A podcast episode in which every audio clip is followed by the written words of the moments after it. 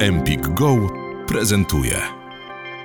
Witam w kolejnym odcinku Ducholożki na Tropie, czyli podcastu poświęconego rozmaitym mitom, legendom, różnego rodzaju wzorom, które bezwiednie powielamy w naszej rzeczywistości i takich ukrytych schematach w naszej codziennej kulturze, w słowie mówionym przede wszystkim, ale również w słowie internetowym, więc zasadniczo współczesna folklorystyka kłania się po raz kolejny.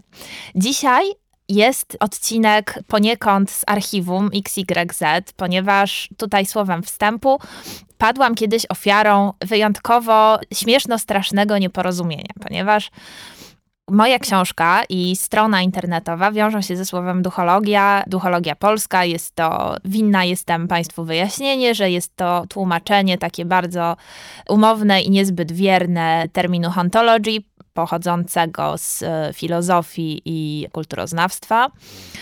I ja użyłam go raczej w odniesieniu tak najbardziej umownie i w największym uproszczeniu do pewnego rodzaju ducha czasów, czy ducha epoki, ale także do pewnego rodzaju mglistej natury naszych wspomnień z przełomu, w tym wypadku konkretnie lat 80. i 90., ale to jest temat na zupełnie inny podcast, na inną rozmowę, ale, ale wspominam o tym dlatego, że ten duch, który jest w nazwie również niniejszego podcastu, on sprawił, że książka, która należy no, do takiego szerokiego gatunku non-fiction, jest trochę reportażem, trochę esejem, trafiała dość często w księgarniach z automatu na dział paranormalny, wiedza tajemna i tym podobne ponieważ oczywiście wiadomo, duch równa się paranormalia, wywoływanie duchów i tak dalej. No i historia to jest zabawne nieporozumienie, dlatego że oczywiście wystarczyła chwilę, żeby książkę przestawić na właściwe miejsce.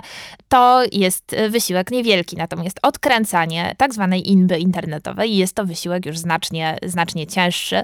I w, kiedy doszły mnie słuchy, że w różnego rodzaju grupki i profile internetowe protestują przeciwko pseudo nauce duchologii, że dlaczego za tak zwane nasze pieniądze mówi się o jakimś wywoływaniu duchów? Co to ma w ogóle być? Czy to jest jakaś dziwna ezoteryka? No i okazywało się, że to wymagało wyjaśnień. Dziękuję wszystkim czujnym internautom, którzy przyczynili się do odkręcenia tego wyjątkowo niefortunnego nieporozumienia i za które otrzymałam zresztą przeprosiny, więc wszystko zakończyło się happy endem ale pomyślałam sobie, że zrobię użytek z tego nieporozumienia i uczynię z niego anegdotkę, wstęp do odcinka, który jest i tu nomen omen właśnie będzie poświęcony duchom, zjawom, widmom, upiorom, zjawiskom paranormalnym, które bardzo często stanowią temat przewodni współczesnego folkloru.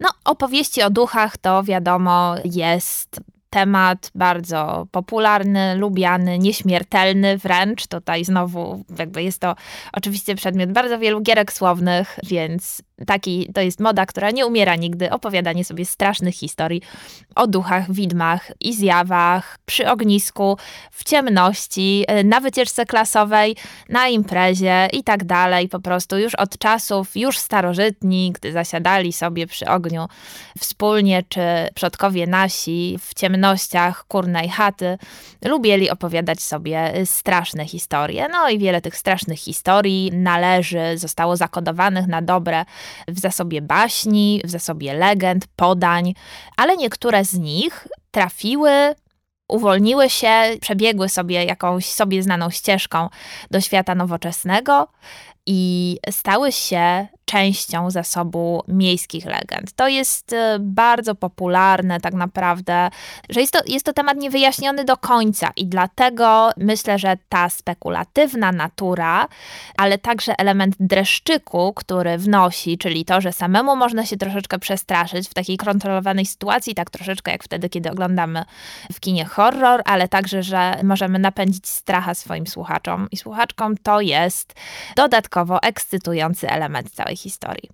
No i tu trzeba powiedzieć, że bardzo często taką e, legendą miejską numer jeden, legendą legend, w ogóle takim przykładem bardzo mocno przestudiowanym współczesnego folkloru, który został odnotowany w bardzo wielu miejscach na świecie, od Polski po Stany Zjednoczone, Mongolię, Japonię i RPA, jest opowieść o tak zwanym e, znikającym autostopowiczu. I polega ona zasadniczo na tym, że jest historia o kierowcy, woźnicy, nie wiem, w zależności od tego, e, jakim wehikułem porusza się bohater tejże opowieści, który widzi autostopowicza e, proszącego o podwiezienie go do domu.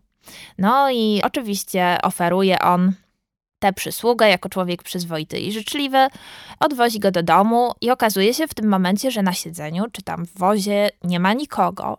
Zniknął jak sen złoty, jak Mara, duch. No i docierając do rodziny zaginionego, wyjaśnia całą historię kierowca, czy tam woźnica, i okazuje się w tym momencie, że tak naprawdę nie było żadnego autostopowicza, a właściwie był, ale tylko duchem, dlatego że tak naprawdę była to osoba, która zmarła ileś lat temu. I historia ta ma swoje jeszcze dodatkowe warianty, czyli na przykład y, zdarza się, że tenże autostopowicz dzieli się ze swoim dobroczyńcą jakąś dobrą radą, wróżbą, przepowiednią albo ostrzeżeniem właśnie. Ten motyw ostrzegawczy jest bardzo popularny, bardzo częsty i pojawia się nie tylko w historiach z autostopowiczem, ale w ogóle jest to taka motyw interwencji z który w legendach miejskich, ale także w ogóle, w, także w tak zwanych opowieściach z życia, które też są kategorią folkloru, ale w, właśnie z tym elementem tu dodatkowo wzbogaconym o komponent paranormalny się pojawia. W, bardzo często to są takie opowieści, które myślę możemy spekulować, że mają tak naprawdę cel jakiś psychologiczny, to znaczy pocieszenie kogoś, kto faktycznie znajduje się w jakiejś trudnej sytuacji, uzasadnienie sobie na przykład, że rzeczy na świecie nie dzieją się bez celu, powiedzmy, czy wytłumaczenie sobie czegoś nie do końca zrozumiałego po fakcie, że bardzo często tego rodzaju rozumowania właśnie należą do tak zwanej sfery irracjonalnego, najszerzej pojętego, czyli nie, nie do końca wyjaśnionych czy dających się objąć rozumem zjawisk. No i zdarzają się takie sytuacje faktycznie, że na przykład w jakimś trudnym momencie w, słyszy się takie historie, że następuje na przykład spotkanie z jakimś tajemniczym, życzliwym człowiekiem, którego nigdy wcześniej nie spotkaliśmy w tej okolicy, który akurat porusza jakiś temat, który nas wyjątkowo trapił. Muszę przyznać, że mnie również to się, zdarzyła mi się dokładnie taka sytuacja. W dniu śmierci mojego psa spotkałam nieznajomego pana z bardzo podobnym psem, który pozwolił mi go pogłaskać. I oczywiście usłyszałam ileś uzasadnień właśnie dotyczących, że tak naprawdę to był twój piesek. No i nie, nie chciałam temu zaprzeczać, no bo pomyślałam, że to wszystko było powiedziane w dobrej wierze. No i ja również wolałabym osobiście wierzyć w taką wersję, bo tamtego dnia akurat wyjątkowo jej potrzebowałam. Wysłuchałeś fragmentu odcinka podcastu Empik Go. Słuchaj całości w aplikacji Empik Go. Pobierz aplikację i zarejestruj się już teraz. Wybieraj spośród tysięcy audiobooków, e-booków, audioseriali i podcastów. Masz 14 dni za darmo.